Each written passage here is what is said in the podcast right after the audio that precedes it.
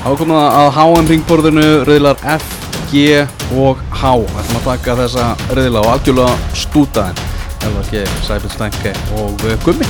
Gummi er mættir þetta ending Nei, Hvað segir þau? bara mjög góð Ja, við erum, við erum frábærir. Við erum að tala um það að við ætlum að heyri í góðum önum Við ætlum að skoða þessa reyðla Við ætlum að fá sérstakt insýn til Belgju Arnar Þór Viðarsson landsliðs þjálfar Íslands hann er búsettur í Belgíu og líka sparkspekingur hérna í einhverjum belgískum sjómastætti þannig að hann þekkir hérna belgíska fótbolta út í gegn og, og Sæbjörn uh, ringir í hann þannig að við ætlum að heyra, heyra í honum og svo er líka hvað, Serbia Sæbjörn?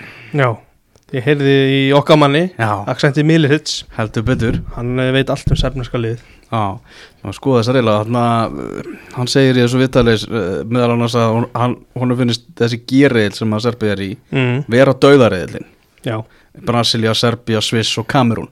Já. Háriðillin er líka rosalegur. Ég sammála því. Þetta eru alveg reyðlar sem við erum að fara yfir. Já, Portugal, Ghana, Uruguay og Suður Kórea. Algjörlega, bara kekkjaður reyðl Rosalegur riðill, þannig að við ætlum að byrja á F-riðlinum og HM ringborðið og HM umfjöldin á fótbolta.net er í bóði NetGiro.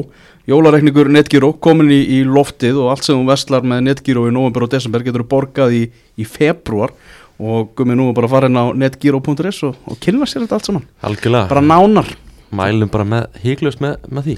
Já, það er svo leis Í F-riðli erum við með Belgíu, við erum með Kanada, við erum með Marokko og við erum með Króatíu. Þetta er skemmtileg blanda. Ef við ekki bara hleypa viðtalinu við Arnar í, í loftið. Eru þið Arnar um, Belgíska lið, hvaða svona Hvaða væntingar gerir belgíska þjóðin bara fyrir háa Þú veist, er, er hort á, á titilin sem alveg góða möguleika? Nei, ég held að svona belgarnir séu kannski svolítið á, á tímamótuna þeir eru hafa verið mjög nála, eða voru mjög nálægt í, í svona síðustu loka keppnum þá aðalega þeir end, endur í þriðasetti e, fyrir fjórum árum. Uh, en svona væntingarnar eru í rauninni það séu kannski að svona kynslu og skiptin séu að koma. Þeir eru, eru náttúrulega með frábæra leikmenn algjör heimsklasa leikmenn inn á milli en það er svona vantar á aðalega varnarlega er, er svona vörninn er orðin frekar svona gömul og, og það er svona það er talað um það að þeir að, að, að vonin er að það getur verið svona outsiders þess að ef allt gengur upp og þá þurfa að er að að fá leikmenn inn í, í, í raunin sem eru meittir akkurat núna eða hafa ekki verið mikið að spila eins og Lukaku og Eden Sar þurfa að fá þessa leikmenn og eitthvað ótrúlega hátt í, í, mjög gott form á mjög styrtum tím. mm -hmm. maður er svona undaf, undafarna keppni ef maður heyrt þessu umræði það er núna eða aldrei fyrir einmitt þessa kynslu er, er mikið talað um þetta í Belgíu Já, þetta er svona, að, þetta er náttúrulega bara eitthvað sem er fjölmiðlar í Belgíu tala mikið um og, og kannski þetta svona undarfari ár hefur verið kannski smá gaggrinni á þjálfvaran Martínez, hann að það er guðatölu í Belgíu eftir, eftir frábár nárangur en svona það er, það hefur verið svona uh, já, gaggrinni og kannski svolítið hengta á það að, að skipta út uh, leikmennu sem hafa gert mjög vel fyrir hann og þá getur til dæmis uh, það eru leikmenn þá eins og, eins og Mertens sem að er núna góðum til Tyrklands að leikmaður sem að kannski fjölmjölar í Belgíu telja ég ekki að vera lengur í landsleginu mm -hmm. uh, en, en skiljanlegt verandi sjálfur að sjálfarar vera trösti leikmann sem hafa gert vel fyrir sig og það er, að, það er fyrir tíma að kannski fyrir Martínez líka að þróa nýttli og hann hafi tekið núna einn nokkra unga leikmenn í hópin sem kannski voru, voru, voru koma óvart mm -hmm. Hvað er svona, hvað er eitthvað einmitt, hvað er það óvæntasta í hópnum? Er eitthvað, er eitthvað svona óvænt nöfn að þínum að þið? Já, hann tekur inn uh, til dæmis uh, Vas, uh, Fas frá Lester er svona kannski það er kannski stæðsta umræð akkurat núna er hver mun byrja hvort hann mun byrja með Eden Hazard eða Trossard frá Brighton og Há Albion Mm. Það er svona stæðista umræðan held ég. Uh, Trossard hefur verið að standa sig frábælega í, í Englandi og svo kannski svona sá, sá leikmaður sem er svona, hvað maður segja, hefur, svona tekið stæðstu skrifin á, á undanfarnar fjóra-fimm mánu, það er náttúrulega Onana sem er, er líka á England. Mhm. Það er náttúrulega, er, er leikmaður sem á að, að minnum að eftir að verða, er nú segja frábær en, en á eftir að verða algjör, algjör leikil, leikilmaður í þessu, í þessu landsliði næstu, næstu tíu ár. Já, og tala náttúrulega um Hazard sem er náttúrulega ekki búin að spila mikið á Real en svo náttúrulega er þessi meðsli á, á Janver Tongen og, og Lukaku er, er mikil stu, já, er, er, er þeir stressaðir fyrir þessi meðslum belgarnir að þeir verði bara ekki klárir Já, ég held að bara ekki Inzaghi, eh, þjálfari Inder bara að fylgja hún í vikunni hann, hann hérna, eða fyrir að og þetta er mjög ólíklegt ef að, ef að Lukaku geti allt mjög mikið bara þangat fram að móti Mm. uh, þannig að hérna og, og, þá er það náttúrulega bara vand, það er bara vandamál. Hann er náttúrulega sendir nummer eitt hjá þeim og, og það snýst rosalega mikið um hann uh, framlínan uh, og eru náttúrulega ekkert margir senderar í hóknu sem eru kannski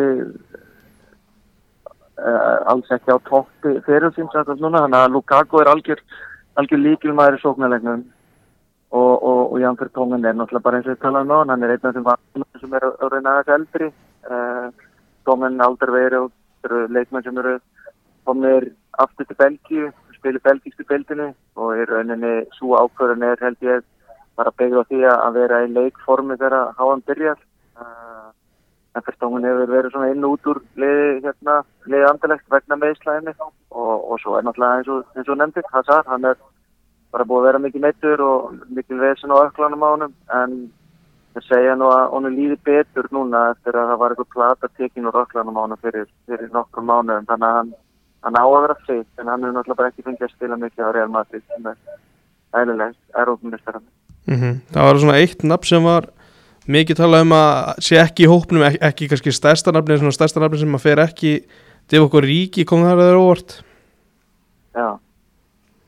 kom þeir óvart að hann var ekki valinn Já, kom ég líka óvart. Ég, hérna, að því líka bara eins og þekkjum hann hvernig hann hefur verið hjá Liverpool undir farin ár. Uh, svona kannski eitthvað supersub og, og hérna, greinilega leikmaður sem að getur komið inn á breytt leikjum og leikmaður sem að kannski, þú veist, uh, er líka alveg saman og spil ekki allar leiki, uh, 90 myndir, ja, alveg sama, hann, hann, hann, hann, hann takir því hlutverki bara. Þannig að ég, hérna, er, að- ég deili fyrir skoðunar en en noti það, hérna, er að svona óvænt að hann skilja ekki að tekja hann með. Akkurat, þú komst inn á í, í byrjun að það er mikil ánægja með Roberto Martínez eh, auðvitað er það að ná, er liðið að ná góðum árangri í undakefnunum en er engin, er engin svona einhver vombrið að það hefur ekki liðið er ekki farið í ústillalegi á stórmótum og svona Jú, jú, það er alltaf. Þetta er náttúrulega þessi gull kynnslóð sem að, hérna, sem þeir eh, eiga eh, og áttu. Náttúrulega kannski kláraði svolítið þegar Vincent Kompany uh, hætti að spila fyrir landslið. Hann var náttúrulega meðtógin og var sá sem að kannski sá, var sem að kannski stæðsta nafni í þessu.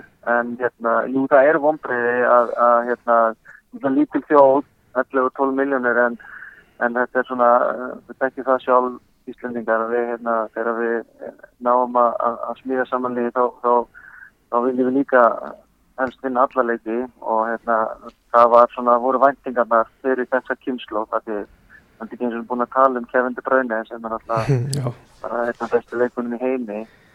Þannig að hérna það er- mjög svona sjálfgætt að, svona lítið þjóð eigi eins og er áttu fyrir nokkur ára Vincent Kompany, Kevin De Bruyne, Eden Hazard uh, Courtois, Markmaður þegar uh, listin var, var ótrúlega langur af, af, af frábæra leikmennum og er enn, en, en hérna Gaggrinnin er jú svo að, að, hérna, að þeirra ekki náð að, að, að skila, skila heim tikli uh, meðan þeir voru upp á sitt besta og, og það lítur út fyrir það að þeir, það er engar, akkurat núna er engin kannski kefandi braun á leiðinni eða eða þess að ungu leikmönnum, þannig að hérna þetta getur strempið næstu árin að að ætla stiða þessar vinnutnýla.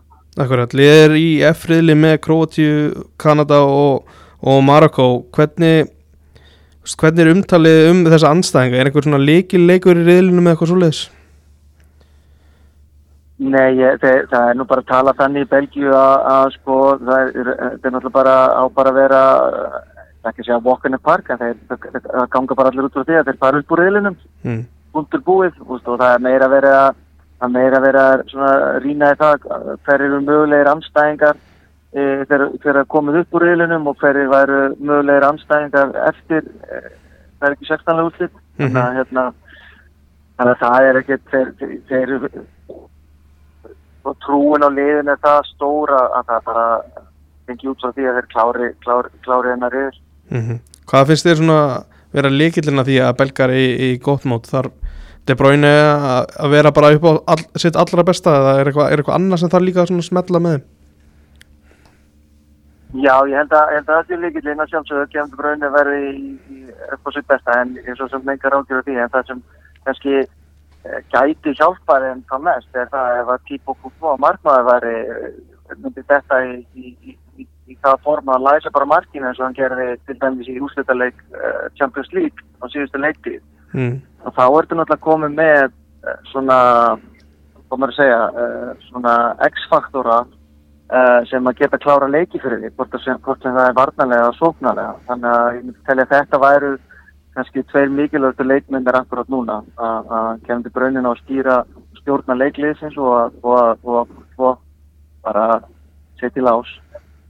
Nákvæmlega Ég hérna ég held að sé bara best að enda þannig að Óskar góð gengis á, á, á lögadaginn vonandi komið með Eistrasalsbyggarinn heim Já, við stefnum á því að byggar, byggarinn heim. Byggar, byggarinn heim, hljóma vel Takk fyrir þetta Arnar Takk fyrir það. Já, bye. Já, þetta voru að það fá smá insýn í, belgíska liðið. Hvað heldur þú komið með, með Belgíu? Eru margir af þessum líkilmönnum og stjórnum þeirra í gegnum árin eru komin á, á sinn síðasta aldur og jafnvel yfir præmið? Já, og bara byrjaði að segja að virkilega skemmtilegt spjall við Arnar sem er eiginlega bara orðin belgi. Svo- svona hans í belgisku úlingalandslegunum og, og svona. Mitt. Uh, þetta belgiska lið er svona, þetta er áhugavert dæmið fyrir þetta mót. Um, hann lítur yfir svona helstu stjórnunar Eden Hazard, Romelu Lukaku Kevin De Bruyne.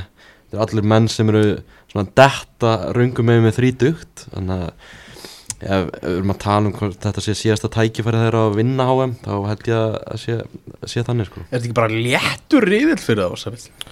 Jú, ég, mér finnst það Geta það ekki bara svona byrjað þetta á því að tjakka sig í gang og, og gera sig klára bara fyrir útslátakjarnina? Jú, algjörlega, Arnar talaði mitt um að það væri, það væri meira vera að horfa í anstæðinga í sextalúslutum og jáfnvel áttalúslutum Ah. áður en að, eða, með, þú veist, við erum í yllin á raun og bara að vera fórgangsatriði, sko Mm. við erum með Marko þarna sem Samuel Eto'o spáir í úsluleikin Já, ekki gleyma því. á móti kamerum vinni frakkan í undarúslutum og Já, Marokko vonast þetta því að að koma þarna á, á óvart uh, náða að ko- koma sér í, í þennan riðil. Uh, Hakim Ziyech, hann er náttúrulega þarna Mhm. einn ein stærsta stjarnan. Hann var dottin út úr liðinu samt fyrir, fyrir nokkru mánuðum var einhverju rifrild við þjálfur hann það hefur verið lagað núna fyrir HM hann, hann er með og þeir eru líka með Atsraf Hakimi í liðinu sínu sem er að mínum að þetta er bara top 3, top 5 besti hægri byggur í heimi. Mhm. þannig að það eru leikmenni sem Marokko liði og sama í þessu kanadíska liði. Þú veist, þú ert með Jonathan David, Alf Alfonso Davies og fleiri sko. En það er kannski eins og með bandarska lið, með þetta kanadíska lið þeir eru kannski svona aðeins bara að undirbúa sig fyrir HM 2026 sem þeir halda sko.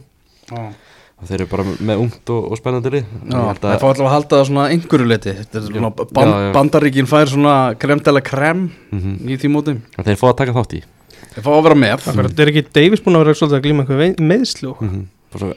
Davies, hann er með svona risastórt hlutverk í þessu lið, hann er ekki vinstu bakur sko. hann er bara á kantinum og Já, fra- frammi. akkurat. Þannig Hann er aðeins öðru sér hlutverki svona eins og David Alaba var í öðru sér hlutverki í er Austuríki svolítið þannig sko. Mm. þú ert með ungt og, og spennandi lið en ég held að þeir eru ekki breyka fór upp sem reyðileg sko. Ég held að þetta verði svolítið bara einfalt fyrir Belgi og Gróðatíu sko. Já, ég, ég held að bæði samt, sko, Kanada og Morocco geti verið bara virkilega ánægð með hennar riðil vegna þess að það er alveg hægt að koma óvart og Mhm. það er ekkert, þessi Belgíu og Kroatíuleg er ekkert ósigrandi. Nei, alls ekki Ég held að þetta sé bara Þetta er fínt tækifæri fyrir Kanada og Morgo Þetta getur, þú veist, þarf bara taktískan, taktískan sigur í einum leik og svo getur unnið uh, Morgo eða þú ert Kanada eða Kanada eða Morgo sko. það er allavega engin pressa á þessum tveimilegum sko. Akkurat. Já, það er, það, það er Það þannig sé alveg hægt að horfa á þannig sko. Það sé eitt samt sem er hægt að bóka. Ef Ísland hefði verið á þessu móti þá hefði við verið í þessum reyli Já, með króður með króatunum sko. Við vinnum okkar. Og ég að nota netgíru til að koma mér út. Já, Vá. Það er gaman að því að er náttúrulega ef Króati ætlar að gera betur heldur en á síðasta HM þá verður það að vinna þetta mót þeir náttúrulega bara komið öllum á óvart á þessu síðasta móti sko. Luka Modric ára árið sem hann vann Ballandi Ór Já, Mhm. uh, núna er hann fjórum árum eldri en hann er samt geðu ykkur fótboltamaður sko. Þannig að þeir eru með, þeir eru með frábært lið sko. Er, er sko Luka Móndrist eitthvað verri? Nei, heldur fyrir, heldur ekki fyrir fjórum árum síðan. Hann er bara upp á sitt besta í dag.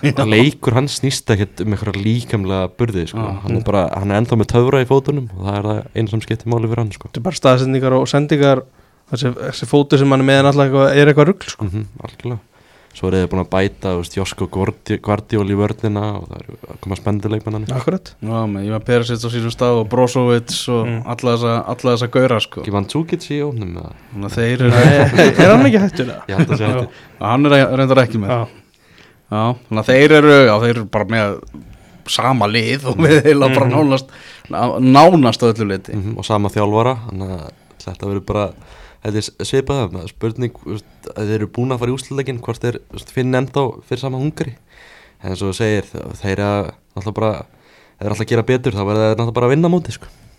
það er bara svo leiðis Já, það er mjög auðvelt að spá Belgi og Króati upp úr þessum reyðli Já, ég ætla alltaf að gera það sko. Belgia, ég Gróti 1, Belgia 2 ég, ég gæti alveg séð það að gæra þess eitthvað óvænt í, í þessu reyðli Það myndi, það myndi eitthvað stórtlið setja eftir hann sko. já segir þá Morocco frekar en Það er Kanada? bara Já, 50-50 bara- Já, eiginlega, ok. Þess að óöfnir Marokónir þeir eru náttúrulega á síðasta móti þá voruð með, með Portugal og Spánverjum í reyðli og núna Mm. fáið Króti og Belgi Já, það Eh, þeir eru ekkert smá öfnir sko. getur fór léttast að dráttir hann. Það? Er bara Já, það er svona staðan. Er eitthvað meira í þessu riðli sem að svona ykkur, aðtegliða Já, eiginlega ekki Ég er svolítið bara spenntur að sjá Kanadamenn sko, sjá Alfonso Davis í þessu liði. Já, Það er náttúrulega, eins og ég sagði, bara vinstri bakur í, í bæminn hérna, eldsnöggur, frábár fótboltamaður. Uh, menn eru svona að tala um að hann sé að fara að mæta á þetta móti í svolítið hend, hemdarhug. já, Það kærast hann hætti með honum og eitthvað, þannig að hann mætir eitthvað reyði til leiks. revenge já, Það er svona revenge mót. ég er spenntur að sjá hann á þessu móti. Maður svo Jonathan David alltaf líka maður Já, sem er akkurat. að tala, tala hansi mikið um sko. Leikmaður Lill, þetta er svona svið fyrir hann, komast eitthvað starra. Já, 2000 mótil, 22 ára Svona gauður sem er mikið verið að alltaf orða við Premier League klúpa Mm okkur þetta var ekki góð vinnur dagstaðan Jú, minni það frá því að voru saman í Belgi þetta var ekki skemmtilega að þeir, voru þeir ekki eitthvað að spila tölvuleiki eitthvað jú, það var eitthvað, eitthvað svona snutt Það verða að vinna í gegnum tölvurspilið sko. Er það, förum að í skiptum í yfir í geriðil Það sem að Brasilíumenn eru og er ekki bara Brasilia svona, ég meina þeir eru efstir á heimslistanum. Eru þeir ekki efstir í flestu veðböngum um liðið sem er að fara að vinna þetta mót? Jú, það er mikið talað um Brasilíu og Argentínu sem sést best svona lík, líklustu lind að vinna þetta. Brasilíu er held ég efst í flestum veðbökum, einmitt og þeir eru með ógnar stertlið þetta er svolítið frasi að segja þetta en þeir, eru- það er ekki veikan blett á þessu lið að finna sko. Nei, og oft hefur verið að verið markmaðurinn. Núna bara einhver stæsta spurningi fyrir þetta mót hver verður í markinu? Ég er ekki alltaf allir svona markið Jó, ástæðan fyrir að fólk er að spyrja þetta með tvo, best, tvo af bestu, svona þremu bestu markmannum heimi myndi ég segja. Mm. já, ég, ef, ef ég var í títið þá myndi ég alltaf taka allir svona sko. Já, með Já. þetta er svona líka á þetta Já, ég með hérna líklegt byrjunarlega fyrir fram með hérna í Brasilíu. Mm. Það er Alisson í, í marki, Danilo, Marquinhos, Thiago Silva og Telles sem eru í vörninni. Casemiro, Fred, Rafinha, Neymar, Vinicius, Richarlison. Þarna ertu samt með eitt veikan blætt myndi ég segja. Alex Telles. Alex Telles í vestri bakgrunn Já, Já, hann, hann satt fungur að vel í þessu liði sko. Af því að þú ert það er óbúslega gott við, við tölum um eitt góða manna á hann sem að hérna sem að, já, við talum við að hann byrta á hann hann er að fara að spila með Rodri í Káa þannig ertu með Casemiro og Djúbar sko. það er Já. rosalega þægilegt að vera með, með svona típu með þér í liði sko. Það er enda það sko. Casemiro algjörlega frábær leikmaður. Já. Marquinhos, það er geggjaður varnamæður með Marquinhos og Thiago Silva sko. Já, bara eins solid og að gera sko. Og klettar fyrir framann þú veist, þennan markvörð. Já, og líka sko bara með endalust bara, þú veist, ég var bara að lesa upp þetta og, ef við myndum lesa bara leikmennina sem eru í leikmann og eru tilbúinur að koma inn mm -hmm. þú veist, sóknar, sóknarmenn Brasilíu, ég skal bara lesa það upp hérna Það er það? skráðir sóknarmenn í, í hópnum mm. uh, Það er hérna uh, að Neymar Það er Gabriel Jesus Mhm. Það er Vinicius Junior Það er Antoni Það er Richarlison Það er Rafinha Það er Rodrigo Það er Gabriel Martinelli Og svo eitt Petro hérna hjá Flamengo. Eitt fyndikall. Það var hann sem að hérna, þegar hann var valin í hópin þá fór hann að skellja það strax Var það ekki, það ekki, það ekki Petro? Já, Það er- gott Það er alvöru múf, wow Það með þess að Brasilíu leikmenn, það var skemmtilegt að sjá þessi myndbönd sem við þetta tala um. Það er byrjtum næst bara allir í opnum, eitthvað myndbönd, eitthvað horfa á sjópið og bara, ha, nei, ég í opnum. Þetta er grínast í bilaðir sko. Antoni var hann með pappa sínum eitthvað, hágrát, hágrátandi, Mm. bara með bænirnar og eitthvað. Og svo, svo erum við líka með Gabriel Martinelli sem er bara eitthvað mest spennandi leikmaður enn skúrasteldur akkur núna. Ég var að gera þarna spurningarnar á .net og með tíu sérfræðinga. Og Gunnar svona, fyrir hönd Arsenal samfélagsins hann svo Se- veiki maður. sá veiki maður. Hann, hann segir fólk að fylgjast með Martinelli. Hann er að halda áfram í vekkferð sinni að Ballon d'Or, segir hann. Já, það verður frólægt hvort að þess þetta mót sé að fara að hjálpa honum í áttan að því. Já, hann, þú veist, við erum með þennan gæði enn á bekknum og svo veist, með, með okkar mann hann að Petro hann líka. Mm. Það er frábæri sóknulín, ertu með hópinu opinn fyrir framæði? Já, betur, með með hérna. Hvort að, er, hva, hversu margir er að spila hann í Brasilíu? hann er ekki svo eini eða? Er bara einn, Eða ekki markmaður líka, þriði markmaður Við sjáum hér, jú, uh, Wevertón sem er hann að þriði markmaður, hann er á Palmeiras. Já, blöður veit ég. Já, já, og svo er það bara, já, hann verðist vera bara einu hann, svo er það, svo er það Petro, Það sko er með tvo, það er ekki meira. Nei, Evertón Ribeiro, hann er á Flamengo. Það sjálfsögur er með Ribeiro en það, Evertón Það er ekki li, svona lítill kantmaður. Jú, það- ég hessi ekki að geta alveg spila í Európu Já, hann var, var, hann Eðlilega. ekki, var hann ekki á Benfica? Eða? Jú, hann hefur örgulega að prófa sig aðeins. Svo, þú veist, þú ert ekki með pláss fyrir Roberto Firmino í þessum hóp. Nei, mitt. Liðbúl samfélagi er brjála, sko Svo er Dani Alves í þessum hóp. Daniel. Ég er nefnilega, þegar þú sagðir að Danilo verður að að byrja Ég var fyrir smá vonbröðum hann Já, Ég var til í að sjá Dani er byrja. þessi maður enda í brasilska landslið Það Geggjaður. að fara svolítið sparlega með Dani, Dani Alves, sko. Spil í Mexiko núna. Heldur að leikinni verið svolítið valdir fyrir hann Elvar? Myndur þú hugsa þetta þannig? Gæti, trúið, Þessi maður er alltaf bara að geta hætta í fótbolta. Hann, Nei. er bara, hann mætir á háum 2006 líka sko. Já, hefur ekki að fara smá einsinn í Serbneska Jú, heyrim í Aksenti Milicic Jæja, Atsi, Serbarnir Hvað getur þú sagt okkur um þá? Hvað hva, hva hérna ert þú að vonast eftir að sjá frá þeim á þessu móti? Uh, er, ég gerir nú svolítið væntingar, bara eins og margir, sko, við náttúrulega leiði kom mörgum á óvart og vann Portugal þarna í, já, bara úsetta leikum kortliði færa á, færa háum, þannig að Portugalni þurfti að fara í unnspil og há, fekk þetta lið svolítið svona, hvað er það, aðtegli, fattur -hmm. Og, en, veist, ég vil, ég að reyna að halda mér, halda mér rólu, en þú veist, mikið að tafa það upp, sko, en að þetta er mjög erfiður yfir sem við erum í, eða bara, mér finnst þetta náttúrulega bara að vera döðarið en í í þessum, í þessum mótil, sko. Já, þetta eru erfiðir anstakar Þeir eru með, hvað, þeir eru með Sviss, Brasilíu og, og Kamerún. Þetta, þetta er ekkit gefið í þessu.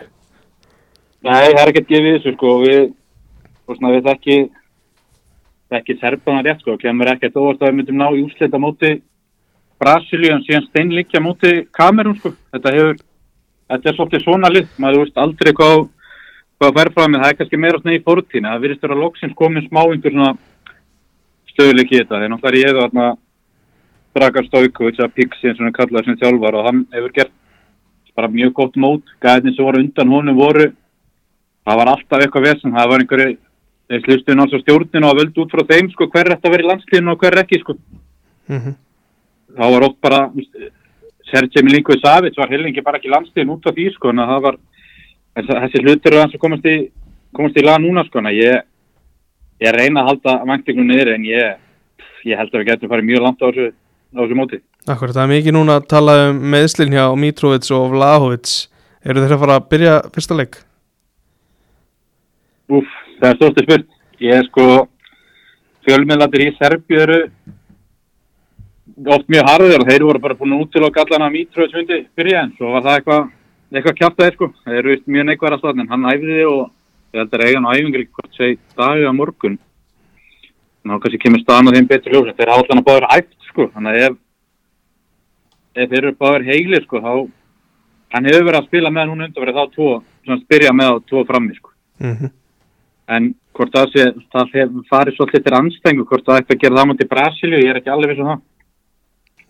akkurat ef, að, ef að þá mun báða vanda hvernig er, er Serbíu að fara að vinna vinna fyrsta leik Það verður bara ekki að fara að vinna fyrsta leik. Af því að málið með þetta lið, sko, það er, var, veikleikandir er markværslega vörd, sko. mm.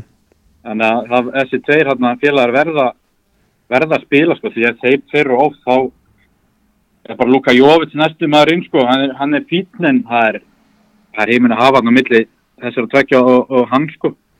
akkurat En ég held alltaf að annarkur þeirra verða heill og ef svo er, þá held ég að Pixi gerir eins og á móti í Portugal, þá myndi hann færa sko bara ofar, það veri að Tadic svona strækir að veri aðeins fyrir aftan strækirinn sko og henda þá öðrum, öðrum miðmann inn í þess að þryggjumann miður sko. mm er, einhver, er einhver leikur fyrir þér sem er meiri leikileikur en einhver annar í svona reyðli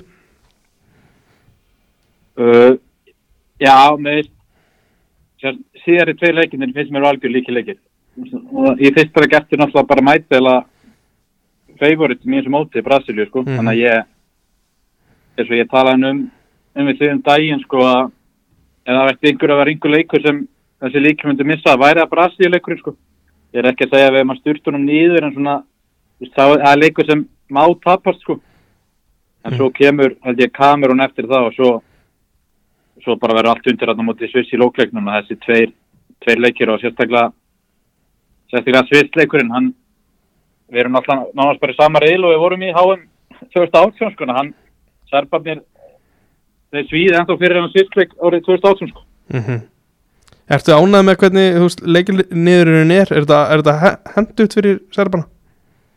Já, mér finnst það það mjög, mér finnst það alveg fullkomin Mm. mér finnst best að byrja á, á brössunum. Það er alltaf búin að búin að rusla þeim af sko. Og, og eftir það alltaf, mér finnst það allt bara bónus. Allt sem kemur úr brastíleikna verður bara bónus sko. Þannig að mér finnst mjög gott að eiga síðan kamerún sem það er þetta mjög gott lið sko en ég, ég gerir kröfu að serpa vinnu þá. Ef þeir gerir það þá ertu bara að fara í bara algjörn úrslita leika móti móti hinn í liðinu sem margir hafa nú líka verið að spá spá upp úr reylu sko, Sviss. Mhm. þannig að þannig að já, þetta er ég er bara sáttu með, það, ég veist að fullkomum hvernig það hittist. Að byrja á brössunum sko. Hvort að tæpu leikmannum Akkurat. Er þetta, er alveg þannig augljóst í þínum augum að þetta er á milli Serbíu og Sviss hvort liðið eldi Brasilíu upp úr reyðlunum? Nei, nefnilega ekki sko. Ég, mér finnst eins og að þessi leikir innbyrðis Serbia, Sviss og Kamerun getur farið á alla vegu sko. En ég þekki ekki þetta Kamerun sko lína og vel sko. En ég var nú sko hópinu um einhvern daginn og ég, þetta er, þetta er eiginlega, voru þeir ekki í næðsta styrkjöflokk? Jú, held ég, ég held það Já, þeir voru held ég bara besta lið þar sko. En þetta var, það var raun herfileg dráttur sko. mm En ég, jú, jú, kannski og Sviss eitthvað smá líklegar en, þú veist, en ég held að kamerun horfði alveg á þessi tvöli bara líka og, og bara segja að þarna er, er möguleiki, sko. -hmm. Við, við rættum aðeins saman fyrir vetur og, og þá kom einhver frétturinn á fótballtabúðunni í kjölfar samtalsins um, um Vlahovic og Mitrovic hvernig í síðustu leikjum hafa þeir verið að spila saman? Það í síðustu næstíkin, Já, uh, bara mjög vel, sko. Þeir hafa verið, að ná mjög vel saman og þeir, þeir hafa verið að, að sýsta okkur annan og en þetta er nú reyndar að móti, sko, smærri liðum, skulum við segja. Mm En stærsta liðið heila sem þeir hafa spilað þeir saman var Norður núna þegar var úrslutaleikur um að hvort myndi vinna þjóðlildina sko. og það er bara bara funguður mjög vel saman. Og það komur alveg óvart þetta er ekki jú, þetta er ekki líki leikum þeir er samt báður svona stóru og sterkir sko, en það er alltaf meiri hlaupa geta í, í Lahovits og hann er kannski meira stingasetning í na, uh, baka vörðina fattur en já þeir en veist það hefur verið umra bara eins og úti sko. Ég veit ekki hvernig hann gerir þetta með eins og móti sem stærsti lun sko, ég sé hann alveg byrja með þá tvo frammi eins og móti Kamerún sko og, og bara jafnvel Sviss en á móti Brasíli, ég, ég veit það ekki sko. Ég, mynd, ég held ég myndi líka annað hverjar á, á bekkin þar sko. Já er einhver, Á- já, já, er er einhver augljós sem er kostur nummer eitt af þeim tveimur? Að þeim dömur? Já, Ég, það er það, ég veit það ekki sko. Þetta er, þetta er nefnilega mjög þetta er mjög erfitt sko en Vlahovic áður en Mitrovic datt svona bara, bara gjössalega gang þá var Vlahovic búin að taka þessar stöður sko. Svo í þessum uh, Portugalsleik fræga sko þá er það Mitrovic sem kom inn á og, og mér finnst hann vera eh, kannski tala ekki um þetta tímpur svona áður, mér finnst hann vera meiri gæn á þeim tveimur sem getur komið inn síðasta hálftíman og djöflasta miljón og farið í háa bóstaskilur og allt það þannig að ég, ég myndi alltaf byrja með að báða frammi en það er kannski aðsnægt að segja þetta. Ég myndi líklega að spyrja með Vlahovic og, og Tadic fyrir aftan hann sko eins og á móti á móti brössunum? Já, akkurat, með, með þessar hlaupa getur frammi. Já, með þess að hlaupa getur veist, en það, síðan á hinvegin sko, það er mjög tröð spætt það helling sko, hann er í standu, hann geta alveg leist það svipa vel sko, en það er eitthvað að segja mér svona, skilja við kannski lendum eitt og lundir og lagveit svona þeytast og bara ferð nýtráð inn og, og ferð í krossun og ég veist að hann gæti skila meira fattaru, en þetta er um lagveit ef hann kemur inn á. Akkurat En bara náttúrulega draumalandi bara fyrir að heyrta þér sama frá mér sko, mm það verður bara komið ljós. Er eitthvað, þú veist, er eitthvað annar fyrir utan þessa tvo sem þú ert mjög spenntur að sjá í liðinu? Uh, já, það eru það er einn sem mun eiga hrottalegt mót sem ég get satt til. Það verður Sergej Milinkovic Savic. já, Hann er búinn að vera uh, hann er búinn að vera ja, bara á þessu ári er hann nánast sagt að segja bara besti þú veist að gögnin sína það sko. Já. Og hann er í, er í præminu og ég held að hann gæti bara gjössalega að tekið yfir þetta hjá okkur. Þetta er bara núna hans tími sko. Hann var svona ennþá á, á háum fyrir fjórum ára, hann var hann ekki búinn að vera í liðinu og dætt allt í rinnu eitthvað, núna er hann búinn að vera streit sko, búinn að vera með fyrirlið stundum, hann að ég held að, að ég horfi mjög mikið, mjög mikið til hans sko, svo ertu alltaf, alltaf með reynslun alltaf í, í Tadic og allt það sko, þannig að hann og svo alltaf Kostic þarna, left wing, hann er, vangbakkur segi, hann er, hann verður algjör líkilmann líka. já það er, þeir eru að spila með hvað þryggja miðvara kerfi Já, við erum með tryggja miðjum að kerfi með Kostic í, semst í vinstri vingbak og Sivkovic heitir hann sem er með, hann spila Pák í Greiklandi. Þeir tveir eru bara fullkomnir í, í þetta kerfi sko en eins og ég segi markvarslan er búið að, búið að vera helvitis brass bara síðustu ár. Að hver ástand í búrinu sko. Akkurat. Þeir eru allt, fattur þetta er allt svona svipaðir markminn Mhm. en ég held að bróður hans Milinkovic Savic, eða Vanja Milinkovic Savic ég held að hans að fara að taka þetta, hann er búin að vera svona fyrst mér, hann er Tur- á Turín og, Ítalíu sko. Ég, það eru það held ég minnstu minnstökin í honum en þetta er vandræðast það Akkurat, það er eitt var að þú tala svolítið um, um Sergei og það er búið að vera, veist, ég veit ekki hversu margir slúðubakkar á fótboll.net hafa fjallað um Milinkovic Savic hvernig er umræðan í heimalandinu? Af hverju er hann ennþá á Ítalíu að spila? Ég, ég, veist, ég veit ekki, það skilur þetta enginn, sko. Þetta er mjög þurrlegt, þannig að Kersmann er, gamla kempan er umbúðsmaður, sko. Já, já, Og hann er alltaf, þú veist, það er alltaf, það er alltaf lið sem á áfáðunum, en hann einhvern veginn, þú veist, ég veit ekki hvort hún liði vel að vera, vera konkurrent eða hvað, sko, en ég held að það sé nú mjög lítið eftir á samningum hans núna, held ég. mm. Þannig ef hann, ef hann fer ekki núna, þá veit ég ekki hvort, hvað plani sé að vera bara eitthvað, eitthvað klöpp legend eða hvað, sko, hann er náðan storðin að bara svona grínir stundum í þessum miðlum sem er að þessi leikmann sé ekki til, sko, að þeir alltaf vera orðað við, við Akkurat, En já, bara umræðan, veist, það, fólk undra sá sko, en ég, ég, hann, hann þarf bara að koma sér þaðan, sko. já Loka spurning, hversu langt getur Serbia náð í, ef allt gengur upp?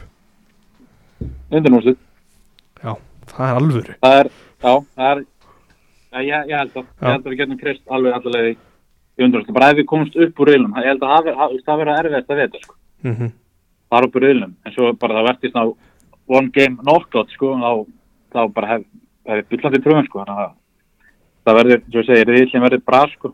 Já, en komst upp í tónum þá, þá sé ég alveg fram á fram, fram undan um sko. Þá kunna hljóma hljóma smá veikt. Einmitt, þú talar að þú sagði one game knockout, það er þessi síðasta leikur á mútið Sviss. Það eru, það er hiti þarna á milli.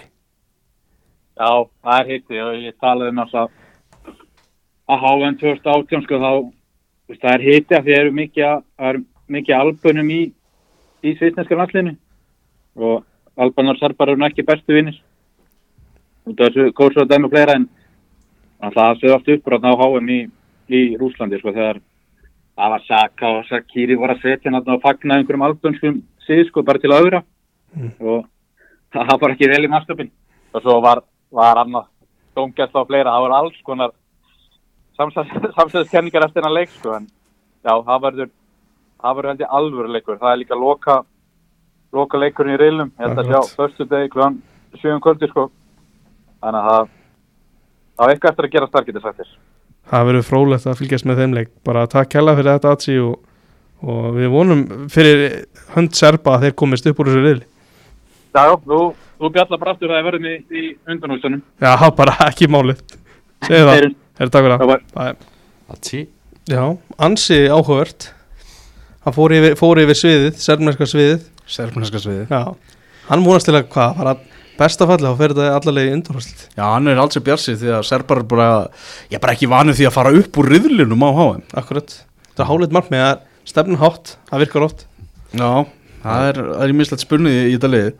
Uh, Svo erum við Sviss hana í þessum riðli líka. Já, Þeir voru að keppa bara í dag Æfingarleika móti Ghana. Mhm. Töpuðu þar 2-0 Og var, var bara vist frekar ekkert skellur Því að Ghana var vist meiri því að vera kvíla leikmenn í, í, í þeim leik. Maður Sviss mætti bara með hóli móli í sitt sterkasta lið og, og voru vist bara hörku slagir Þetta eru vontíðindi fyrir bara svisnækja liði sko. En kannski bara kveikir þetta í þeim Fáðu eldur ræðu eftir þetta. Þetta er ekki síðasti leikurinn fyrir HM Síðasti leikunum fyrir HM það, Ég veit ekki hvernig það er svona að taka þetta með sér inn í móti sko en eftir að hafa hlusta á Atsjáðan þá er, er það alveg ljóst að ég er mættur upp í sófa klukkan nýju, nei klukkan sjö það er leikurinn fyrir fram. Já, í þriðjum fyrir í riðleikemnunar þriðjum fyrir reyla kemnar 22 að staðartíma. Já, Ég hef búin að poppa að þetta verður alvöru þessi ég leikur. get ekki beðið bara eftir þessu leik sko. Já, því líka veisla. Greinilega mjög svona áhugaveru leikur. Mm. Ég er svona kannski svona spenntastur í þessum reyla að sjá hvernig svona Lahovits og, og Mitrovic funkar saman já, algjörlega, það verður mjög spennandi. Mm. en varandi Sviss þá hérna þeir áttu náttúrulega mjög gott EM. Já, Kom- komu mörgum á óvart það já, voru svona voru afskaplega þjættir og, og, og þeir voru ekkit leiðilegir þeir voru bara góðir í því sem voru að gera sko. Mhm. Þessi leikur á múti Fraklandi lífið svolítið í minningunni. Já, Já, þeir eru ofta eru svolítið svona, þeir eru ekkert að gera þetta með einhverju flugöldasýningu, en gera þetta vel. Já að þeir, það er akkurat þeirra mótó Já. þeir eru með Grand Shaka sem er kannski svona þeirra stærsta nafn Og bara hefur aldrei spilað betur en akkurat en er að gera núna. Þetta HM gæti ekki komið á betri tíma fyrir Granit Xhaka Mm. hann er byrjað að spila eins og svisneski Shaka með Arsenal sem að hefur ekki verið raunin undanfæri ná sko. Já, það er og svolítið hann er þannig. svona að blómstra akkurat núna sko. Hvað er að frétta af, af Sjartan Sakiri? Hann er að spila í, í hérna, bandaríkunum Chicago Fire Þetta er svona maður sem bara aldrei nokkuð tíma geta neitt með félagslegunum sem hann er að spila með Þannig var ekki einu það góður í stók sko Nei, Svo mætir hann alltaf í sinns eitthvað landsbúningin og besti mann vellin sko. já, og bara lítur, hann er bara þeirra Messi Já. Tu- 26 mörg Mm. fyrir, fyrir landið Þessi Ah. kálvar sem hann er með, þeir eru rosalegir þeir eru, þeir eru nettir Þeir eru mjög Já. nettir hmm. svo hvað, svo erum við með Kamerún Já. við hverju erum við að búast þar mm. Ég er ekki að peppaði fyrir kamerun og Samuel Eto'o sko nei, við erum ekki að sjá það í úrslitum. Klára þetta, Nei, nei, ég sé það ekki gerast. Hann, viss, hann er virkilega að horfa langt, sko, Mm. hann lefur sér að dreyma. Það er ekki samið svona stjörnuljó með Kamerún eins og svona hefur oft verið á, á svona stórmótum. Það er ekki bara stærsta svona stjarnan í þessu liði Erik Maxim Tjúpamóting Jú, og svo erum við hann Abu Bakar sem Já. er hafa náttúrulega mikla trú á. Alvöru kjöðstekki þar. Já, Maxim Tjúpamóting er búin að spila virkilega vel með bæminn hérna þegar hann fær svona tækifæri á þessu tímbili og það er svona að vera orðan við Master United. Hann verði ártaki Kristján Ronaldo. Já, býttu svo, já, svo eru þau náttúrulega með, er það ekki Mendi í markinu? Nei, hann er ekki, jú. Nei, hann er er í Senegal. Onana er í markinu, já, já, já, akkurat. En ég, ég held að Cameron sé klálega svona lagast að liði í þessum reyli En maður veit, maður, veit það sem aldrei sko. Akkurat, ég held, ég ég á að þetta er kannski ekki djörspán ég held að Kamerún sé alltaf að fara að taka eitthvað stig í þessu reyli, sko. mm. Það er svona típist lið sem getur svona trublað sko. Já, akkurat. Þetta er ekki auðvaldasti reyðli til, að- til að tippa á sko. Nei, Ég- það er ekki gefið í þessu. Ég held að sé klálega að taka undir það að þetta sé svona döðariðlin með þessum háriðli sem við erum svo að fara í. Akkurat. Ég held að, sé, held að þetta svona heilt yfir sé að gera riðlin sá sterkasti og þetta verður alvöru barátum annarsætt í riðlin Ég held ég ætla að horfa á, alla leikina hann reyndar eins og alla í mótinu ég er ekkert eðla spenntu fyrir það er þetta hvað byrja á ég- það farið svona stýtast í þetta þá er maður bara að pe maður peppast meira með hverjum deginu sko. akkurat, Já, fótbolti allan daginn og, og, og, og taumlust stuð. Já, hvað getið klikað Það Ég Ég var svona peppar eftir að hlusta á Arnar Laufdalum daginn. Það var svona lýsaði að köldum desember degi að fara upp í sófa með eitthvað kósi deppi og, og góðan svona, heitt súkulaði og horfa á háum í hópalta það er eitthvað svona heitlandi við þá hugmynd Það sem ég er spenntastu fyrir það er að vera sko bara að mæta hérna í bakarið í Orbænum ná, ná í, í bakkelsi mm. og vera mættu bara hérna að horfa á HM klukka tíu á mótnana á skrifstöðunni Það er geðveikt, sko. og svo veist, fáum núna háum bara í svona skamdegir þunglindinu í desember og, og svo fáum við hann að háum í handbalta það er ekki háum eða EM hvort er það? Stórmóti í januar. Það er stórmóti í janúar, já, Já. Háum í handbalta í januar. Það er HM, jú þetta var svona þetta geggjaðir, geggjaðir mánuðir Mhm. í íslensku, eða svona íslensku íþróttalífi Já, en frá handbóltanum aftur yfir í, í HM í fótbolta. Mm. Býtu, býtu, er, passar þetta ekki vel, er þetta ekki háriðil? Jú, Handbóltariðil? Nei. Það er, það er, það er tenging þannig Heyrðu, Háriðir, Portugal, Ghana, Uruguay Suður Kórea uh, Portugal með eitt stykki Cristiano Ronaldo sem er heldur betur að gera allt vittlust uh, Gary Neville bara hérna í morgun að tala um það að Manchester United þyrsti bara að reka hann sem Mm. allra, allra fyrst uh, fór í þetta bombu viðtal við Piers Morgan og það búið að byrta núna hvað Fyrir hluta? já, fyrir hluta og þetta er samtals hvað 90 mínútna einmitt. ekki setnilegðin í kvöld Já, skjótandi á allt og alla uh, hann áttúrulega bara byggjum að láta rekka sig og það er ekki annað hægt Nei. en að, að láta rekka hann mhm. og mikið talað um það hvort að hvernig samherjar hans líta á það. Ég held að séu allir að bara sammála um það að þetta er, þetta er búið spil. Algjörlega. Hvað verður er- kemur síðan í ljós. Mhm. en það andurúrslottið þessi portugalska liða verður mjög skrítið einhvern veginn bara út af þessu máli. Þá bara þetta myndband þarna með, með Bruno Fernandes þarna um daginn. Það var eitthvað steikt þar sko þetta var eitthvað vægarsett fyrirlegt sko. Já, já, hann, hann gerði allavega vel, hann talaði upp Diego Dalot. Hann, hann verður allavega hans maður Já. hann á þessu HM sko. Hann mun reyna að finna hann ef hann fær að spila. Mm. finna hann í- finna hann í tegnum Já, já, en já, Ronaldo alltaf að vera þarna eins og hann vill vera á Manchester United þetta aðal, aðal stjarnan. Mm og hann fór svona á þessu ári. Þetta var ekki bara verið erfileikar á Manchester United því að hann hefur fengið nefnilega gaggrinni frá portugalsku þjóðinni miklu meira heldur en hann hefur áður þekkt. -hmm, algjörlega. Það er bara kallað eftir því að hann verður bara bekkja reynilega í liðinu. Mm. Það er náttúrulega margir upplöfið framóðið mm Mhm. -hmm. Hvað Felix og svo með Rafael Lea þetta var og, og fleiri, fleiri góða ég, Vá. er, ég var að æfa þetta á hann Vá, Það eru flottir spilar þarna. Já. Mjög upplöðir, vantar að reyndar Diego Jota, sem það ekki? Það er vá, ég er bara þar að jafna með ja, Þetta er, þetta er hérna Þetta Portugal er að fara að spila æfingarleiki kvöld, vinnáttuleiki kvöld. Ronaldo fekk í magan Hann verður ekki með. Var ekki með hann var, var ekki eitthvað að tala um þess að kokka hjá Master United í viðtalinu? Já. ég held að þeir hlægið mikið núna sko. Það er fyrir kokkana Já. United ha, hann er komið matreiturinn loksins þegar að kemur í portugalska landsliði Það er þetta auðvitað þurft að skjóta já Hann var að gera allt til þess að fá ekki að fara aftur til United. Það er alveg klart. Já, þegar þú lítur yfir þetta portugalska landslið þetta er ógmæð lið sko. Þetta er frábært lið. Mhm. Það er, eins og ég sagði það er hvergi veikan blett að finna þetta eins og með brasilíska liðurinn. Þeir eru með Ég er enda að sakna smá að- að að Jose Font sé ekki hérna í hópnum allavega Minn maður Sá að góður á EM 2016 Það er enda 6 ár síðan En já, þeir eru ennþá með Pepe hann, mun, hann er líklega byrjunli Pepe Pepe er að fara að kveikja einhver elda Já, sko. hvernig, hvernig verður þetta? Þetta verður, hver er í markinu? Það er, er það ekki Patri, Patricio, held ég Patricio enda með þetta. Já, það er hann að, er ekki markmaður Sporting sem er að, Porto, já, Porto sem er, Diego Costa. sem er svona, Kosta er hann, ertu með líklega byrjunlega Já. Já, hvor, er í markinu? Kosta Kosta Costa, er í hann- markinu. Kosta er í líklubinu Það var að tala um það sko að þeir eru með fjóra þrjá þrjá. Já, eftir að hafa verið svona meira í fjórir einn, fjórir einn. Ok. Uh, þá er búið að breyta svona í aðduranda þessa móts og svona aðeins meira sókna þeikjandi mm. Og- og eru með hérna Cancelo, Mendes eh, bakverði, Díaz og Danilo uh, það Danilo, ekki Pepe? Pep, ég var að skoða á Guardian á hann Kaldar kveður Leina þar sko. Já, Já, það kemur og það er ljós hörð baróta Já, Það- Ég heyri það að það láta ekki ákvaða sig fyrir bara eftir að leiki kvöld. Það- þetta er einn af þeim, já. Þjálfarinn, sa- já, hann sagði þetta á hann já. Mhm. En Ég verði fyrir miklu ombröðum með Pepe byrjar ekki mótinu sko. Svo ertu með Bruno á miðunni og hver er með hann? Það eru með Brúlo, eru Palinja og Neves. Ok, Palinja, leikmaður fúlan Já, skemmtilega leikmaður sko. frábær leikmaður. Og svo er það eh, fremstu þrís uh, Silva, Ronaldo og Leao. Á- Ágæti spilarar. Já, Hann er bara leikmaður sem ég er mjög spenntur að sjá á þessum móti Rafael Leao. Já, nógu mikið er búið að tala um hann sko. Já, það er einhver ver, verðmiðin á honum. Já, Chelsea að leggja mikið kappa á að fá hann. Það dettur svona stundum inn í þessa AC Milan leiki. Það er með helgar á kvöldin og svona. Dettur stundum inn í það og hann er náttúrulega bara aðal maðurinn þar sko. Það leita rosa mikið á hann. Hann er svona sterkur, teknískur kantmaður með gott auða fyrir markinu og virkilega gaman að sjá hann svona á þessu, á þessu sviða á hann með Portugalun mm.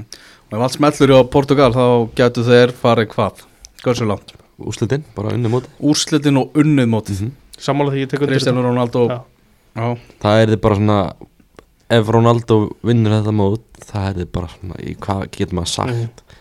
Európmestari, heimsmestari unnið bara allt þá getur það bara hætt þá getur hann bara hætt sko, rifta þessu samningi um Aston United og lagt skona bara hilluna sko. Sko það var teaser eftir fyrirlutuna viðtalinu við Ronaldo Mhm. Eitthvað, I will retire Eitthvað, bara svo lína Þú veist, ég held að þetta sé síðasta stórmótunars með landsliðinu en við erum með þetta að hann er stilt upp að við getum fengið í ústöðalegnum Argentina, Portugal Messi á móti Ronaldo báður á sínu síðasta heimsmeistarmóti Mm. það er þið eitthvað sko. Ég tek því ég myndi, það er bara stærsti íþrótt og við byrjum bara söguna sko. Ég tek því að þú getur lofað mér að Pepe byrjar. Já, ég, Þá tek, ég, væri ég, þá, ég, ég geri þá kröfu sko. að Pepe byrja, verða með læti og stæla. Og Lísandro Martínez líka vá. visla sko. það, það er alveg einvið maður. Heyrðu í þessu þessum reyðli Það er einn Já, Þar erum við með Luis Suárez og Darvin Núñas Það er ekki að setja lægið bara í gang núna Lífbúl maðurinn hann Jólalagi Jólalagi Ég ætlum að sleppa því. Já. Alveg að sleppa því að spila það. Takk fyrir þessu ákvörðin Elvar. Uruguay Já, þetta er, þetta er svona Þetta er öflug sérstaklega sóknarina Já. En svo ertu með góða spilara auðvitað inn á milli til, Aftur á vellinum sko. Besti maðurinn þeirra er samt miðmaður sko. Ertu að tala um Valverde? Valverde, Federico. Var hann ekki topp 3 leikmar í heim eðlilega góður. Já, hann er svo ruggla góður sko. Og getur, þú hann er bara að spila á kantinum líka hjá Real Madrid sko. Leysið það fáranlega vel. Það er bara, Við þurfum að koma þessu gæði í lið. Já, við höfum bara á kantinum. Já, Í sko hann er búin að vera í þessu leikju sem ég hef séð með Real Madrid núna í, í vetur. Mm. Ég bara, ég held ekki vatni Já. hann. hann er er ekki, hann er geggja góður Federico Valverde þú þú, þú hugsa um Uruguay þá bara ferður strax að hugsa um veist, Cavani, Suárez, mm. Darvin Núnes Og svo- Hvernig, hérna, ertu með líklegt byrjunlega þannig? Hverjir eru fram? ég er bara svo áhuga sem hvernig er alltaf að stilla þessu upp Er ekki Cavani á bekknum eða hvernig er þetta orðið í dag? Heyrðu, Það er, hérna er verið að Já, þeir eru, það er erfitt að giska á leikjörfið Mm Þeir eru með, með eiginlega það mikla fjölbreytni að þeir getu hvað það er í líklegu byrjunlega stilt upp í 4-4-2 getu farið í 4-3-3 eða jafnvel í 3-5-2 eftir bara hver, Ok. hver, hver mótarinn er sko. Mhm. Já. en allavega eins og eru að stilla upp hérna þá er, eh, hvað, hvað vildu þið fá að vita að segja þið? Hverjir eru frammi? Já, frammi í 4-5-2 þá eru Núnias og Suárez frammi Cavani er á bekknum Já, Það eru kalda gauður hvað alltaf hvað er? En erum við ekki með Jimenez og, og Godín aftast? Er þetta ekki Þetta er alltaf sama teimið Múslera í markinu. Þeir eru hann og múslera í markinu. Þetta er úrskipt sem við þekkjum alveg. Ég sé þetta bara nokkuð móti röð. Múslera, það er svona annað gæði sem er bara sér að háa Aldrei neðst að annan stað Svona dettur inn og inn í, Já. kannski. Hann og Guillermo Ochoa í Mexiko Já, Vá, Þeir eru háa um kallar sko. Já, þeir getur fara alveg í það þarna, bara vera að skipta um leikkerfi bara í miðjum leikjum sko. akkurat. Eitt sem var saknar í þessu úrugóska liði Það er Óskar Tabares, þjálfarinn. Já, Já, það er alveg gæði hann var rekin Það var rekin bara hann um Mm. daginn. Þetta var stýrt liðinu í ykkur 40 árið eða eitthvað. Já, Og þeir eru komið með nýjan þjálfara. Vonum að úska það bara sé þarna í, með einhverju suður amerískri sjómastöð eða eitthvað, Já, fá, alltaf að vera með og, Það lítur að vera sko. Greina þetta almennilega sko. Hversu ekki langt eru að sjá Úrugvæ fara á þessum móti? Um, Í 16 löfslit 16 úrslit. Já, yeah. Er það þetta sem var lengra?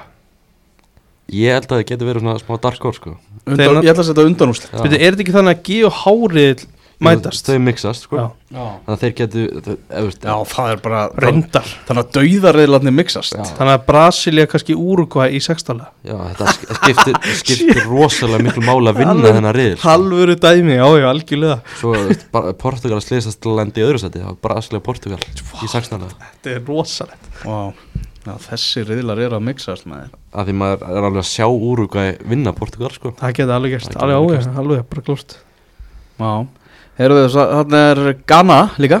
Já. Þeir mæta feski til leiksmaður Ganverjarnir fullir sjálfströðs eftir, eftir að hafa unnið svissi gær. Í, í dag segi, Thomas Partey var bara kvildur Já, hann var, hann var bara gemtur þeirra nafn. Gott að geta kvílt að mann og unni leik sko. Það er, það er svona merkjum að, að liðið sé svona á, á réttir leið?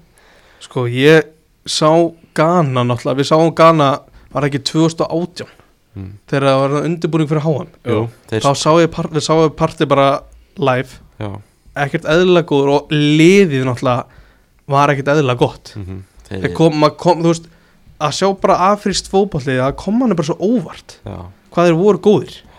Og ef þeir eru, þú veist, þeir eru vantilega bara ennþá betri í dag þá er, getur þeir alveg sett sett smá strikk í reikningin hann í, í barátunum toppsættin þessu Það finnst við sinni á Ghana að þarna aðalmarkverðurinn Já. og varamarkverðurinn Já. báðir mittir akkurat og það eru ekki og mark, þetta markverðarteimi hjá þeim þessi þrýr eru ekki, ekki hátt skrifaðir sko. maður getur alveg ímynd að segja það sko Gana sé ekkert með eitthvað rosalega úrvala og markmann komin í þriðja mark úr Ghana þá getur það alveg verið vesen sko. að þú veist, nó, e, e, engin vannverðing sko, en bara þriðja markmann í öllu liðum er oft bara orðið dvílit vesen sko. mm Já, já, og þetta er bara, þeir eru að spila bara með einhverju liður sem þið vitið ekki hvað liði eru. Nei, þessir, þessir markmenn hjá þeim sko. Hearts of Oaks eða eitthvað hann í Gana Þín- þínir menn. Því mínu menn hann í að En þú veist, þeir eru líka með spennandi leikmann hann inn á milli. Hann Kamaldín Sulemana sem var Já. í Norsjöland í Danmörku. Mhm. Veit ekki hvað, er hann ekki að spila núna með Rennes eða eitthvað í Fraklandi minni það. Það getur vel verið það er svona spræku kantmaður sem getur sprengt leiki upp uh, og það eru alveg fleiri leikminn í þessu ganverska lið. Já, við erum Tarek Tarek ég er náttúrulega. ég er mikill landið með Já, ég vil náttúrulega að hann spili miklu meira hjá breytt ég er mjög gaman á já, hann hættur hann er algjöru aukulhutur ekki núna já, eitthvað. því miður, finnst mér. Já, hann fær að láta ljósið skýna með Gana og Þrátt fyrir að Ganverjar sé í skíunum með þessu úrslit í dag þá, ég sé það ekki fara upp úr þessu Nei, þetta er erfiður riðil sko. Þetta er, þetta er ansi erfitt en, þú veist þetta er, það er mögulegar ég ætla að segja Gana, Gana ég ætla bara að segja þér koma óvart. Vá, það er rosalega gott að segja það hér bara. Gana kemur óvart strákar. Við erum að sjá samt, við erum að sjá rematch frá 2010, frá mínu uppáðsmóti Já, Ghana, Ghana, Uruguay Suárez mætir maður. Suárez mæti Ghana á nýja leik eftir að hafa varið á línunni þarna 2010 Já, þetta það væri eitthvað svona fá, fá alveg hörkutækling á. Já, þeir eru, þeir eru ekkert búin að gleyma. Nei, frá nei. Ghana sko. Er, er Asamoah Gyan með í hóp? Nei, hann er, hann er ekki að Hvað er hann gammal, það getur 87 eða sá að skemmtilegur Sá, sá samt eitthvað svona Twitter í gær að svona eld að svona að þroskast þá svona skiluru að af hverju svona Suárez gerði þetta Mm. Það er svona, þegar þú varst yngri þá varst þið bara, æ, hvað, er hann eitthvað fáiði sem Já, að alltaf sumir skilja þetta. Ég er alveg vissum að Ég- margir séu en þá Ég er farin að, ég er skilja þetta, veist, ef ég verður fyrir Úrugvæði þá væri ég bara, shit, hvað ég elska Suárez mikið sko. Já, þú ert að, þú ert að hérna, leita á, á slóðir sem þú getur bara mjög margir fyrir ósamálaðir En hvað, Suður Kórea? ég, ég minnst að trúa þeim í þessum riðli. Já, þeir, gætu, þeir eru kannski tíunda besta pressurleið í heimi eða topp tíu eða eitthvað en þeir, Mm. þeir fara ekkert á þessu móti sko, sonnarinn tæpur og þá er þetta bara við sko.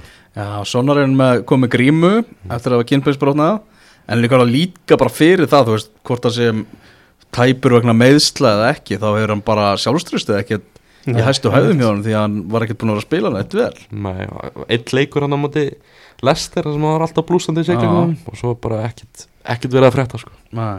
Ja, þeir eru með Kim skrimslið Já, er ég, ég hlakka til að sjá hann sko. Kim, Kim and Jay. Já, það er alvöru spilari. Já, ég væri til að fá hann að meistar í ennska boltan sko. Menn voru að spyrja sig hvernig ætlaði Napoli að finna mann í staðin fyrir Kúli Bali erum bara betri gæði Hessi mætti og það er engin að setja neitt spurningamerki við hann.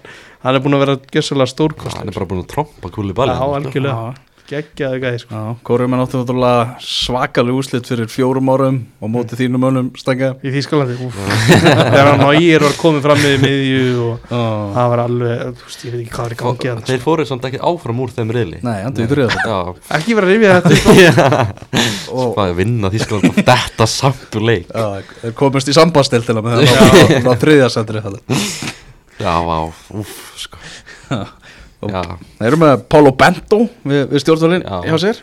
Við erum búin að fá góðan undirbúning fyrir þetta mót. Unnu okkur Íslandinga um daginn, 1-0 Mhm. Stangið, þú varst svona fylgjast vel með þeim leik. Já, þeir voru bara nokkuð sprækir en þeir verða að vera svona leiða mér að segja að þeir verða svona fimm sinnum betri til að fara upp úr þessu liðli já, veist, þeir vantar líka hverja leikmannana Já, já, en þeir bara, já, þeir þurfa að ég er bara standið þetta.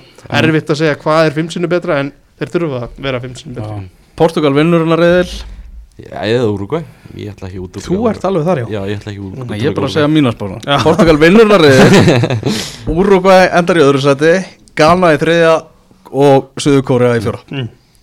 ég, ég er spenntastu fyrir Ghana og Uruguay í þessum riðli, þeim leik. Þeim leik, Já. já. Það er, Rifja þitt uppáhalds móta það er, er, er hitið hann á milli. Það er gaman. Já. Ég, já, ég ætla að hérna að segja Portugal, Uruguay Mhm. Farið upp úr þessu liðli en ekki ég sagði reyndar Ghana kemur á vart Já, Portugal og Ghana var upp úr þessu Já, hefðu þarna, við varum að skoða eins uh, HM fréttir Já, hvað sé- er er að frétta HM í dag? Uh, Hvernig fór pílukastið? já, það er náttúrulega aðalfrétt dagsins það Já. pílukasti sko. Það sem englendingar hafa verið að gera uh, gerðu þetta á EM Allstar í fyrsta sinn Mm. Meðal annars til þess að svona létta lundina milli ansku pressunar og liðsinn sem að hefur oft verið eldfimm. Mm, við munum hann eftir EM 2016 það voru að leita í ruslagámum og eitthvað eftir einhverjum fréttum. Það svífast einskis. Þá ákveður svona hvaða leiðir þetta að fara og nú er það þannig að alltaf eitt leikmaður á dag eða eitthvað sem fer í, í hérna, á fréttamannafund. Og sá leikmaður keppir en að fréttamannafundinu kemur við einhvern úr enska fjölmjölahópnum í pílukasti og Takkaði bara eitt legg að 501 og spila niður. Ég held að sé bara eitt leggur þetta er mjög stutt. En hann James Maddison hann var uh, keppt í gerð fyrir höndarska landsliðsins og á móti uh, Rob Dorset. Já, já, Sky Sports.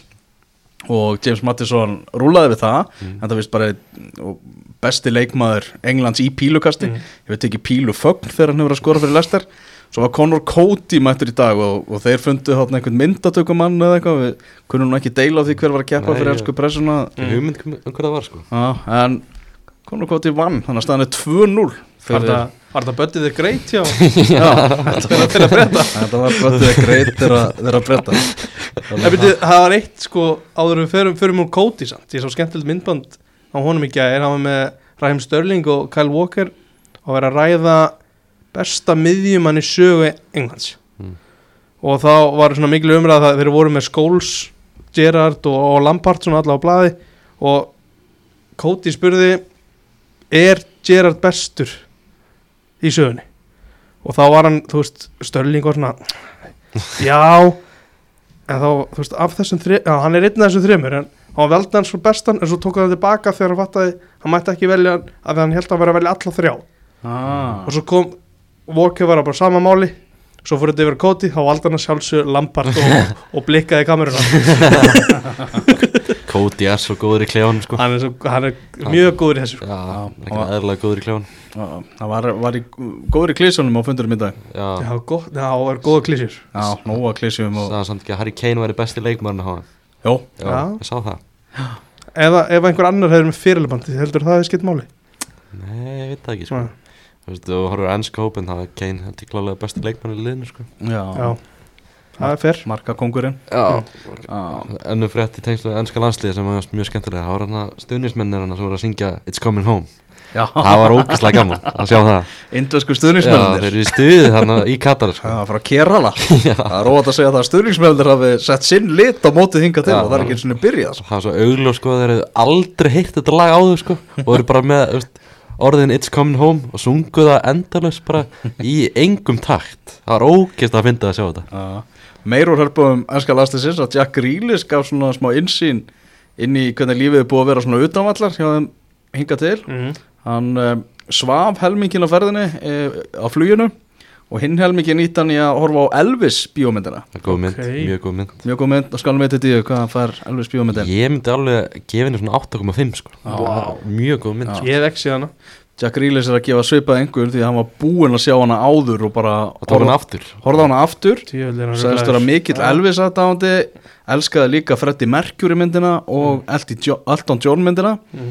og var að býða spenntur eftir Whitney Houston myndina. Hefur hann- hort á mynd sem einhver syngur í og hún er ekki góð mynd? Það verðist ekki vera sko Já, svo sagði hann að þú veist þegar leikmann komið sann inn á herbyggi sín það var búið að setja upp bara myndir svona af þeirra nánustu, fjölskyldumöðlumum og öllu því til að þeim svona líði enn frekar eins og England líka hann er kunnandi alveg sko Þetta er flott sko Já, Mjög flott. það er virkilega góð og svo líka bara svona hvernig er svona fjallað um svona á official rásunum hjá ennska knastmyndu sambandinu, það er bara Mhm. ógislega vel gert svo um daginn það var eitthvað myndbandaði að leikmennu voru að mæta á St. George's Park sem er núna æfingasvæði Já. Englands og filma þegar allir voru að mæta til leiks í, í bílunum sínum og það var ógislega skemmtilegt að sjá það Mhm. Þarna Sergio Aguero, hann var að útskýra hvernig Argentína er orðið betra lið mm. og var að segja að þeir væru ekki jafn mikið að halda í boltan og þau gerðu og það væri bara jákvætt vegna þess að þeir gerðu miklu meira þegar þau væru með hann þeir væru mm. líklegri til að, að, að skada anstæðingin og þetta væri svona, nú er þetta ekki bara eitthvað 11 stjörnur og 11 nöfn heldur bara liðsheildin sem að sem að væri búið að búið að búa hann til og, og fór hann fárum orðum um Scaloni þjálfana mm. Hraðari uppbygging og svona meiri kraftur í þeim þú sóknina. veist, með, með fjórar manna línu sem að væri ekki að fara mjög hátt upp þannig að hún væri, halda sér svona niðri Mm. væri mjög tröst og það myndi henda Lionel Messi afskaplega vel og meðan Argentina hafi ár, árum áður þurft að treysta það að Lionel Messi væri bara 100% þá getur Lionel Messi átt bara svona 60-70% leik og samt bara Argentina unnið. Já. þannig að það var svona áhugavert að var að útskýra það, svona breytinguna sem hefur orðið á, á úrugvæska liðinu. Argentíska. Já, argentíska. Þú segja úrugvæð skól Nei, nei, held ekki. Nei, ok. Það er, með Argentína það er náttúrulega ekki hægt að bera það saman við liðið sem við mættum 2018 sko. það er, þeir, þeir eru ekki búin að tapa núna í 35 leikjum í röð. Messi er bara, hann er fárunlega glaður í sér liði. Já, og Scaloni er náttúrulega bara eiginlega aðalastan fyrir því, þannig að hann er komið inn og, og breytt hlutunum og fannar að gera þetta alveg svo líka svona einhvern veginn að þeir hafi unnið Copa America mm. uh, held ég að við svona létt svolítið pressunni á það.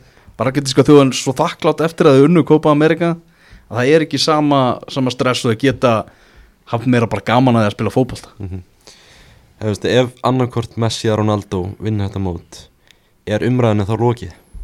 Hvor sé besti fótballtamaður Nei, nei, nei. það verður alltaf bara það, verður kannski fleiri á því máli að Messi sé bestur ef hann vinnur skilur eða öfugt. Getur fært sterkari rauk fyrir Já, já, klálega sko. Það verður ekki verið alltaf eitthvað já, markafjöldi eða eitthvað, veist. Skoða bara mörkin í meistaröðinni eitthvað svona skilur. En það verður alltaf það verður skemmtilegt krydd í umræðan alltaf Já. ef það gerist. klálega Já uh, Spánverjar er mikið áfæll fyrir þá þeir fá ekki upp á matinn sinn í, í Katar hvað er að pæja í það Nei, það er svona skinka, Iberico skinka heitir Mm. þetta sem er svona, alveg algjör gæða með svona, Er þetta eitthvað ráskinga? já, þetta er svona, þetta er svona hrás, ráskingu Ok. dæmi, skorið í svona þunnar sneðar Mm. og þetta hefur vist verið svona hefð hjá uh, kokkum landsliðsins, Mm. velji alltaf svona bara geggju stykki og síðan þegar eru menn aðeins að, að jafla á þessu á, á góðum tímum og, og allt það, en Eitthvað má ekki flytið inn eða? eh, bannað inn svínakjött Já. til, til, til sjáðu. Katar, sko. var ekki þetta að gera undatekningu fyrir spánurina Nei, það held ég ekki, þeir gera ekki auðvitaðtekning á þessu. Þeir gera auðvitaðtekning á því að, að selja bjór. Mm. og það nægir þeim. Það er bara að smigla þessin það er ekkert flóknar en það. Nákvæmlega, ekkert mál. Ekkert mál. Við leggjum til að þeir smiklið sinn Já, það voru búin að, já, það voru búin að eh, svona í þessum uppbytuna þáttunum hi- hita upp fyrir, fyrir þessa, þessa reyðla Já. og þeir eru ansi margir samaríkir, sko. Tjúvillig maður orðin spenntu fyrir þessu. Já, það er ekkert það er bara spennan er að magnast fyrir Já. mótin Algjörlega. Já, ég er bara Eru þið búin að vera að horfa á okkur svona þætti eða eitthvað svona þess að keira ykkur í gang?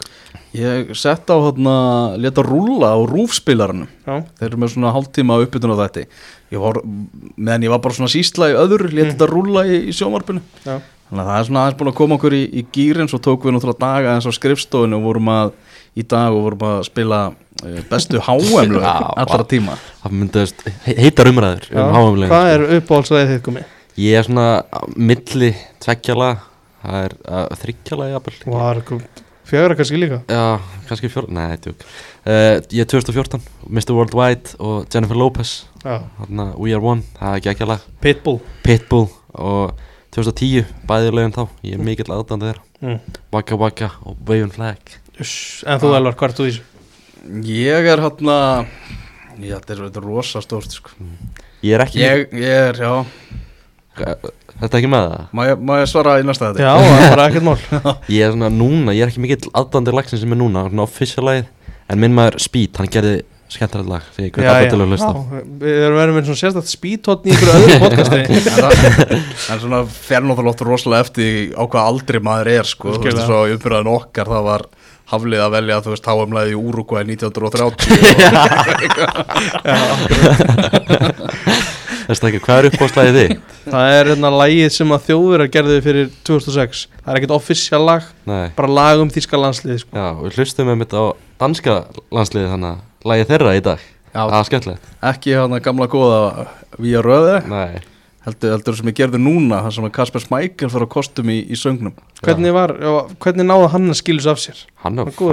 frábær sko. Já, það var greinlegt eða að hann var í bestu söngveri því hann fekk mesta plattf plattformið hann var einn í, uh, í sólósöng Já. sko. Ok svo voru þeir bara allir einhvern veginn saman í kór og, og Kristján Erik sem virtist vera Hún leiði ekkert eðlilega illa Já, þarna hann virðist vera vesti söngverinn sko, hann var bara svona, eitthvað svona reyfa varilla með og horfi í kringu sig sko. Það er gaman að Svo séum þannig með Kristján Eriksson, hann veit bara tala á fótballtellin sko. Hann er ekkert mikið fyrir að gefa af sér eitthvað utan valla sko. Nei, það er, það er algjörlega þannig. En já, fyrir að fyrir að stað á, á lögadaginn þá erum við búin að kíkja á þessa reyðla, það segjum þetta gott. Fyrir HM. stað á sunnudaginn, Sunnudaginn. Hvað sagði ég? se- Já, ég er að hugsa. Heif Byggarinn heim, nákvæmlega